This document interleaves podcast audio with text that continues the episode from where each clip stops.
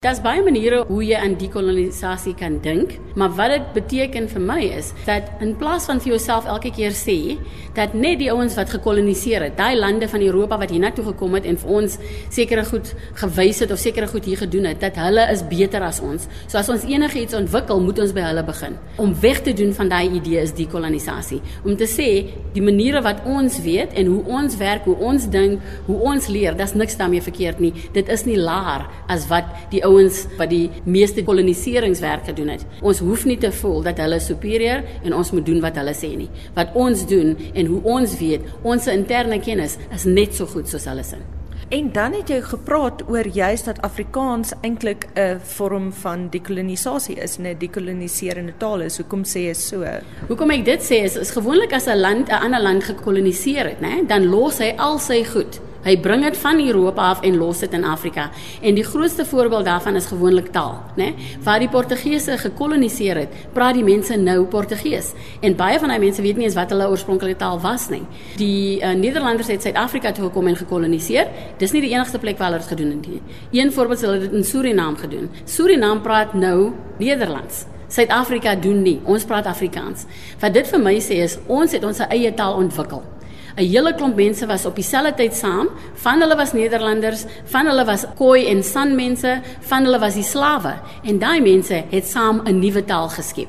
Dis wat Afrikaans is. Vir my is dit 'n voorbeeld van dekolonisering. Ons het nie gesê jou superieur taal wat Nederlands is, gaan ons nou net vat en ons gaan alles vernietig nie. Ons het vir ons 'n nuwe taal gebou. Daai taal bestaan net in Afrika. So hy is van Afrika soos ek van Afrika is en hy is vir my 'n baie groot suksesstorie rondom dekolonisasie. As ons nou daarop bou, as ons kyk op die oomblik in universiteite in Suid-Afrika, jy wat dan self Afrikaans is en 'n hart het daarvoor. Hoe voel jy dan as hulle Afrikaans wegvat by universiteite, byvoorbeeld Stellenbosch en die Vrystaat, waar daar ook baie swart sprekers van die taal is? Jy weet, dis eintlik vir my baie teleurstellend. Ek het verstaan dat ons 'n nuwe regering kry, gaan daar 'n aanval op Afrikaans is. Dit was reg onafwendbaar. Ons het geweet dit gaan gebeur.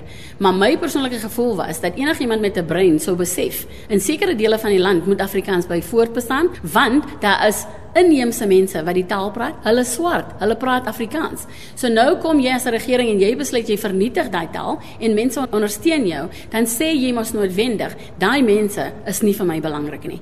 Die probleem is is dat die regering en politici maak asof Afrikaans 'n wit taal is, dan het hulle 'n verskoning om dit te vernietig, want wit mense was bevoordeel in apartheid. So hulle ignoreer heeltemal die bestaan van breinmense, die bestaan van die afstammelinge van die Khoi en San wie Afrikaans praat. So jy ignoreer daai mense en jy maak dat hulle onwelkom voel in hulle eie land. So dis my teleurstellend. Ek kon insien dat Afrikaans gaan moet verdwyn uit sekere universiteite, uit sekere stede, maar ek het nie besef dat die aanval van die regering gaan nie gebaseer wees op regverdigheid nie. Hulle gaan heeltemal net die taal vernietig want hulle erken nie dat daar breinmense is wat die taal as eerste taal praat en dit al jare gepraat het nie. Dis nie nou skielik nie. So dis vir my 'n manier ook om jou disrespek te wys vir een spesifieke groep wat deel van die land is. En ons vier nou ons erfenis ook deur middel van ons taal. Wat is van jou gunsteling woorde in Afrikaans wat wat mens nie in Holland sal vind nie? Vir my is pisang die lekkerste woord.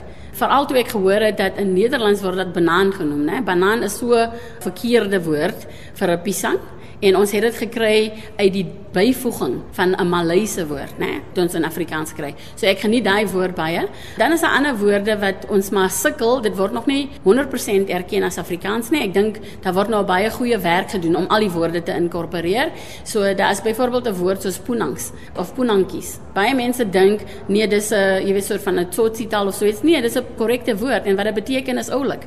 En ek het dit my hele lewe lank gebruik in die township waar ek groot geword het en eers op universiteit kom uitvind ander Afrikaanssprekende mense weet nie wat dit beteken nie. Maar ek moet sê dit was baie goed ontvang, né? Ek het hom geborg as 'n woord vir die VAT.